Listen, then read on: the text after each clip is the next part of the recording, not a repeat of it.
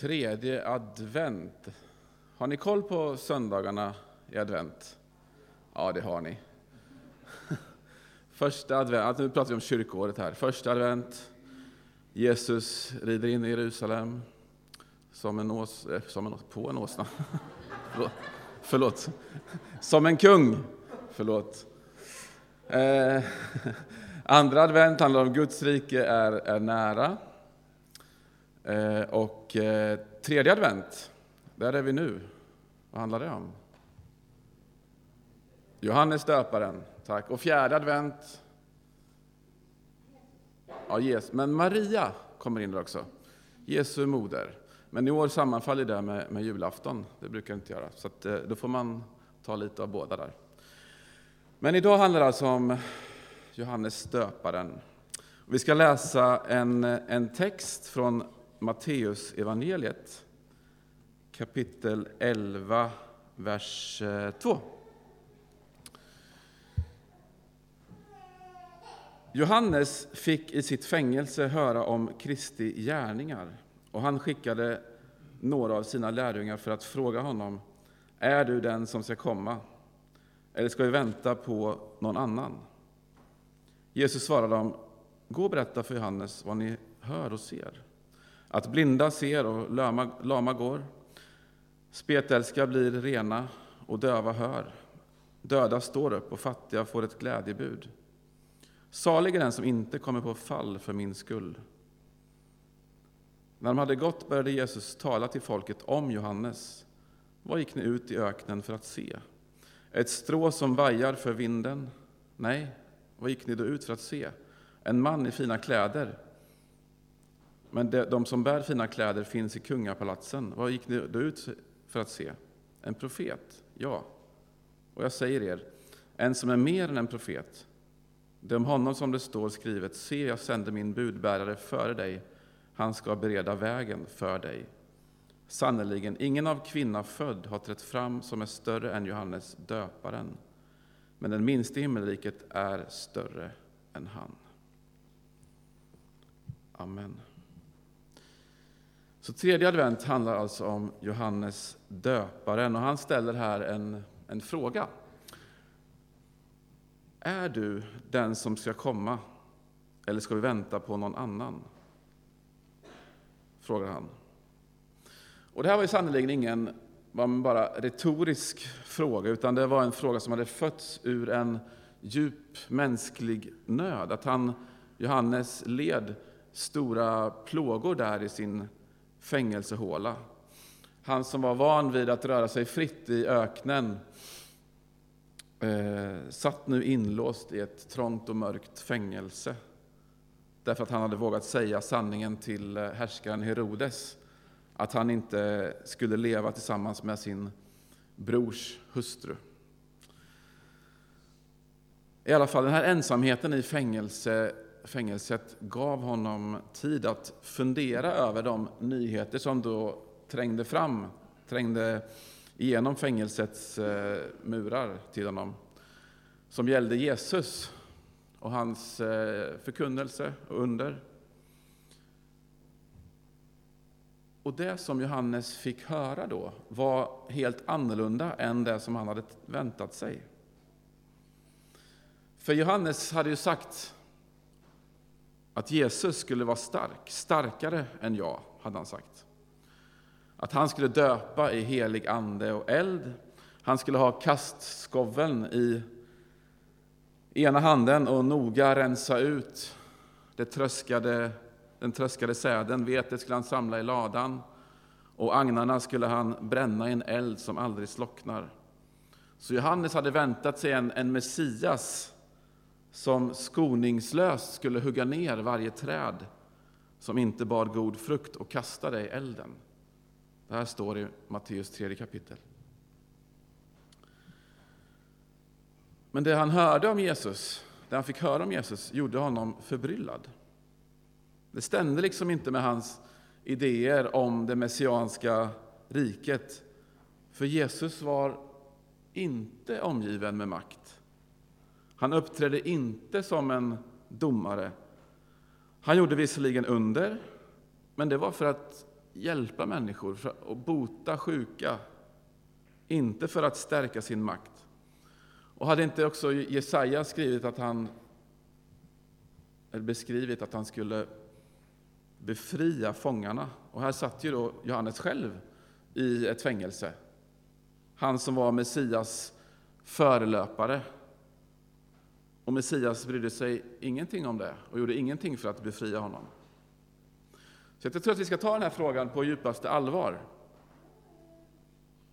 Och inte ta bort eh, dramatiken i den genom att, eh, som man ofta gjort när Johannes eh, ställde denna fråga, att Johannes ställde denna fråga med tanke på sina lärjungar.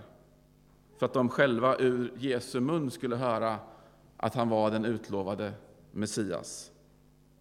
Och man har liksom tänkt sig att ja, men det, det kan inte varit möjligt för Johannes att tvivla på vem Jesus var.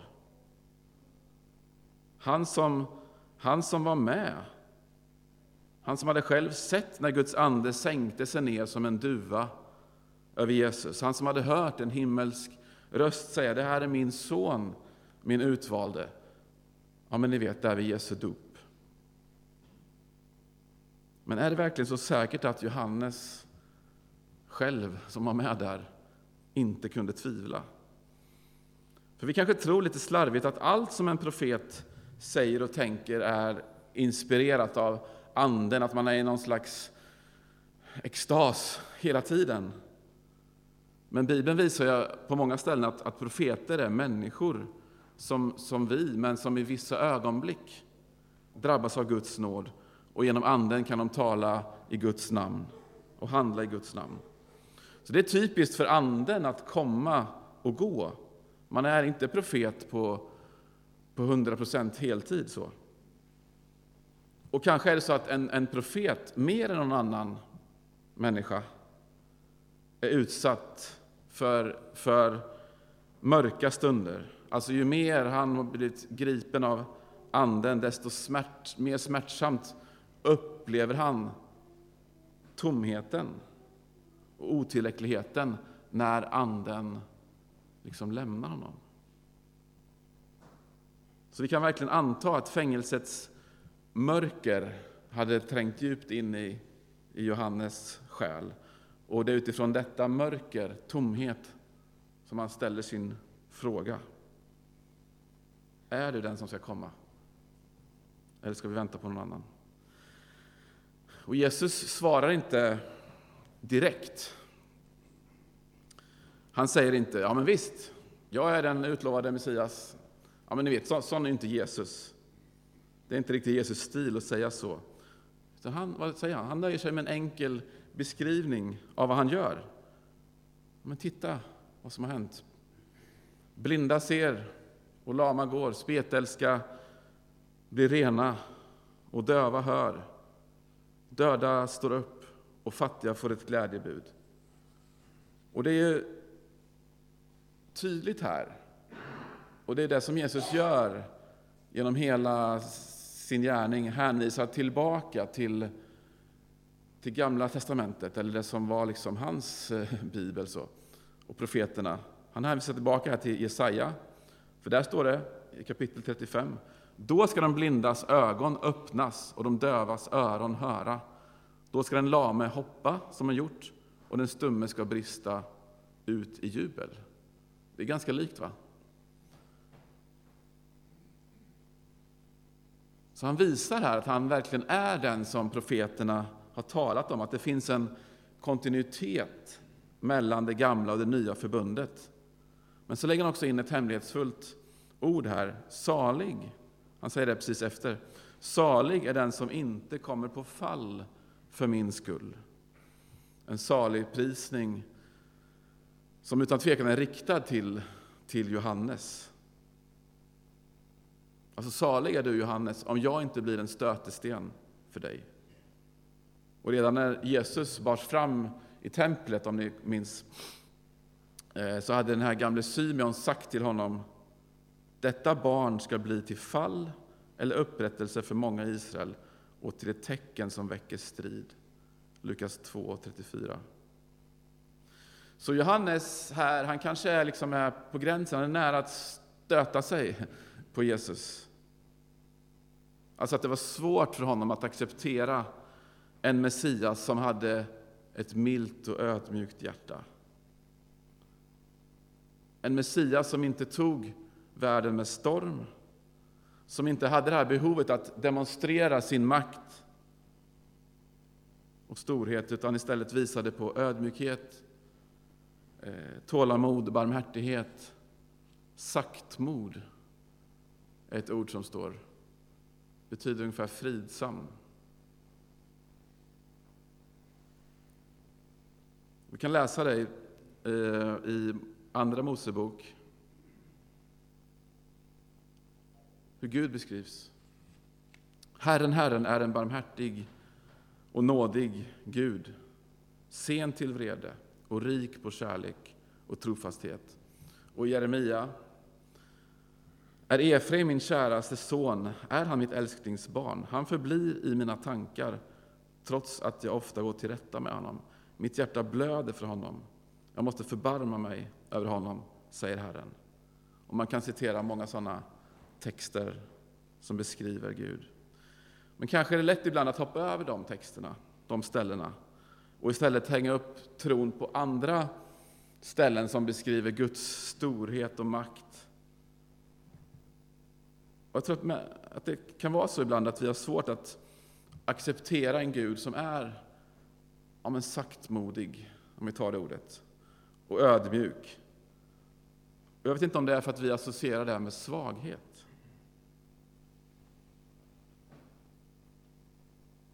Kanske vår önskegud är en sån som skapar ordning i världen. Som omedelbart liksom rycker upp ogräset så att vetet kan växa fritt och obehindrat. Och vi tänker att ogräset är de andra, vetet är vi. Och vi kanske stör oss på en Gud som vi tycker har för mycket tålamod. Att han inte griper in, att han inte... Eller att han gör så här att han väntar, att han skonar. Ett sådant tålamod tolkar vi också som svaghet. Paulus skriver, bryr du dig inte om Guds oändliga godhet och fördragsamhet och tålamod? Förstår du inte att hans godhet vill föra dig till omvändelse? Och något av, vi kanske tycker mer om de här orden om ja, men lejonet av Judas stam från Gamla testamentet än om lammet som låter sig slaktas i Nya testamentet. Står det Saltaren. Du, Gud, har ju förkastat oss. Du drog inte i fält med våra härar. Kanske vi stämmer in där och ber med psalmistens ord. Och det fortsätter. Med Gud ska vi utföra stora dåd. Han trampar ner våra fiender. Och de här orden kanske blir ett uttryck för vår önskan, vår egen projicering av vem vi vill att Gud ska vara. Ja, men vår önskegud.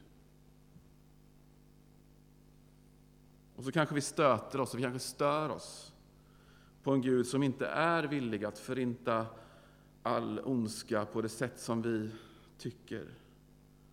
Och så blir vi förbryllade när vi märker att vår Gud är så annorlunda. Det är en Gud som, som tvättar våra fötter, som, som dör för oss med utsträckta armar, som blir, som blir mat och dryck för oss att ta emot. Och fast vi på djupet längtar efter den här kärleken som en kärlek utan gräns så blir vi ändå på något sätt skrämda när den, när den kärleken anmäler sig. För liksom, med en rättvis Gud kan vi göra affärer. Man kan förhandla med honom. Man kan försöka vinna hans gillande. Men mot en Gud som är kärlek och enbart kärlek så har vi inga vapen.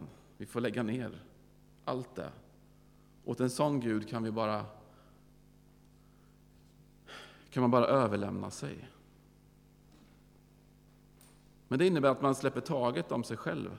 Att man, man förlorar på något sätt självstyret, att man blir som ett man blir beroende, att man blir som ett barn. Man inte har den här kontrollen eller överblicken mer, utan den, den har Gud.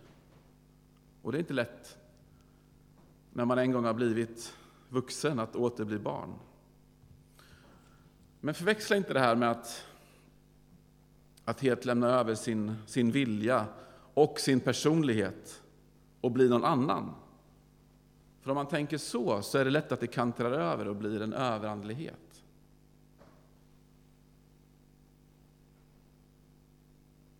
Det vill säga, allt jag gör och säger måste komma direkt från Gud på något sätt.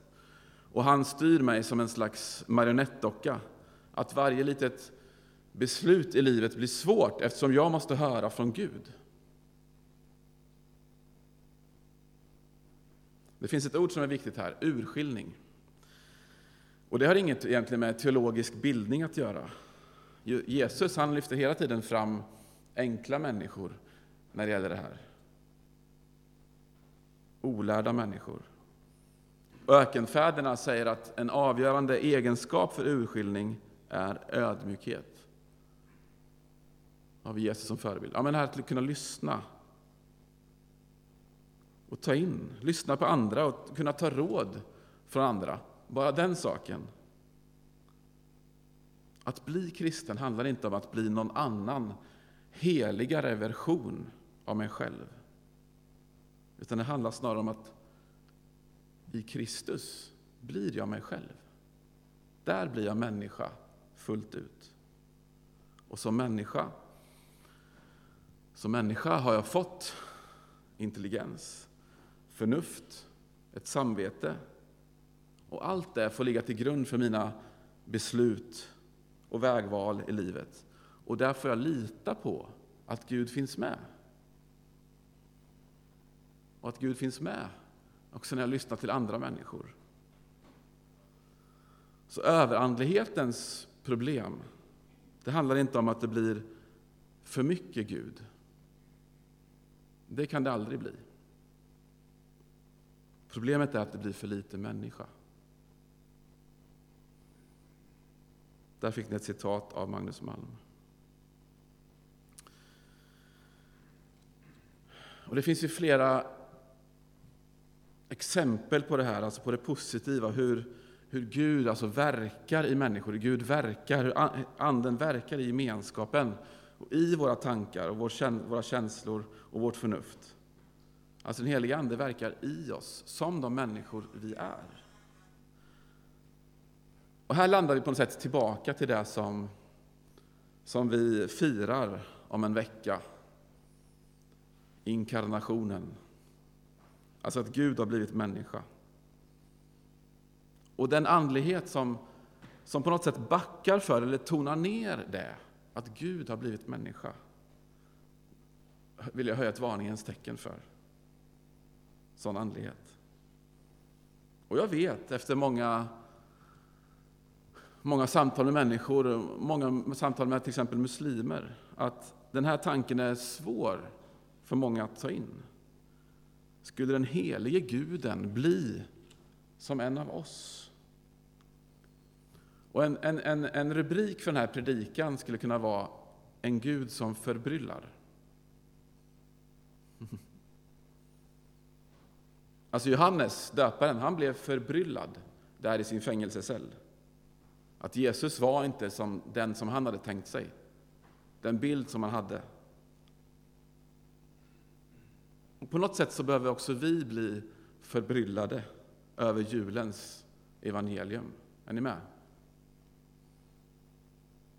Jag läste om en präst som varje år efter att hon hade läst julevangeliet så, så manade hon till en applåd efteråt.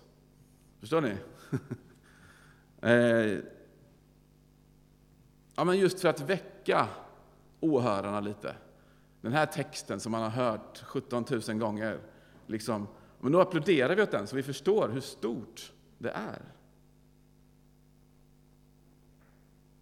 Är ni med? Alltså, om, om Gud finns och det här är på riktigt,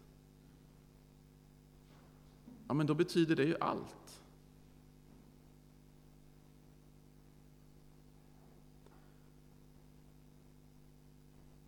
Jesus säger, ingen av kvinna född har trätt fram som är större än Johannes döparen.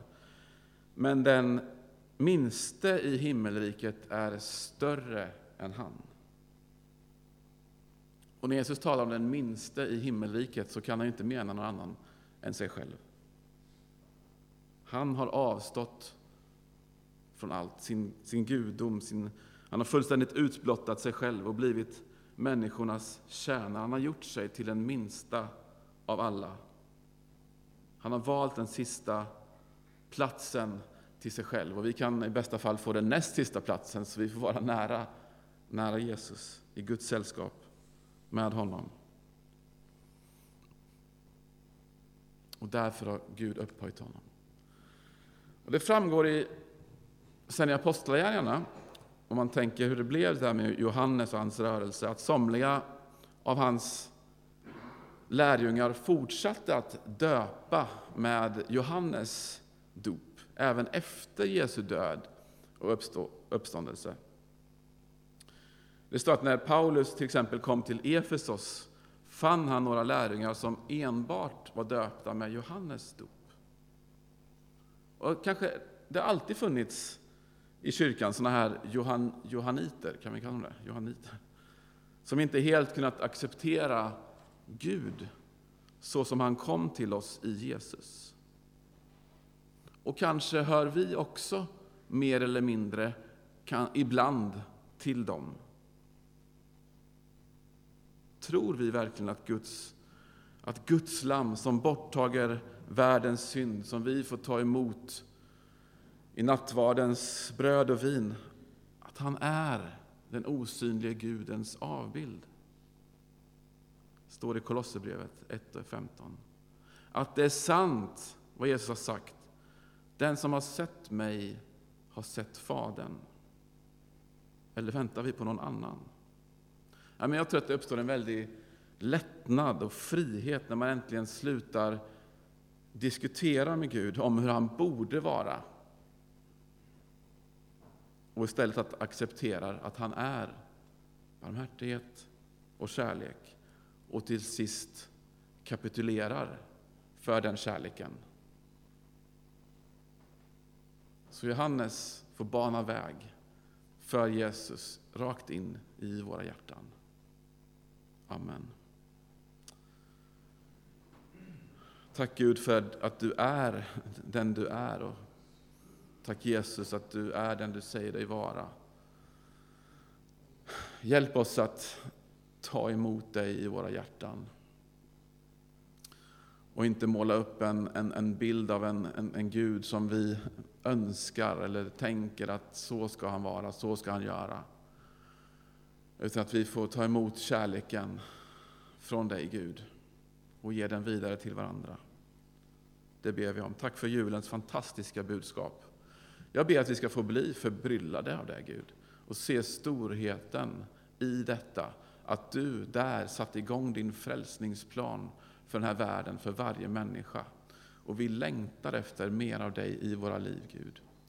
Jesus, hjälp oss att böja knä för dig, att ta emot dig i våra liv på nytt och på nytt igen. Det ber vi om. Kom nu heligande. Vi välkomnar dig i den här gemenskapen, i den här stunden. Möt oss du känner oss. Du vill fylla, fylla våra liv. Kanske om det finns en tomhet någonstans. Kom där, Jesus Kristus.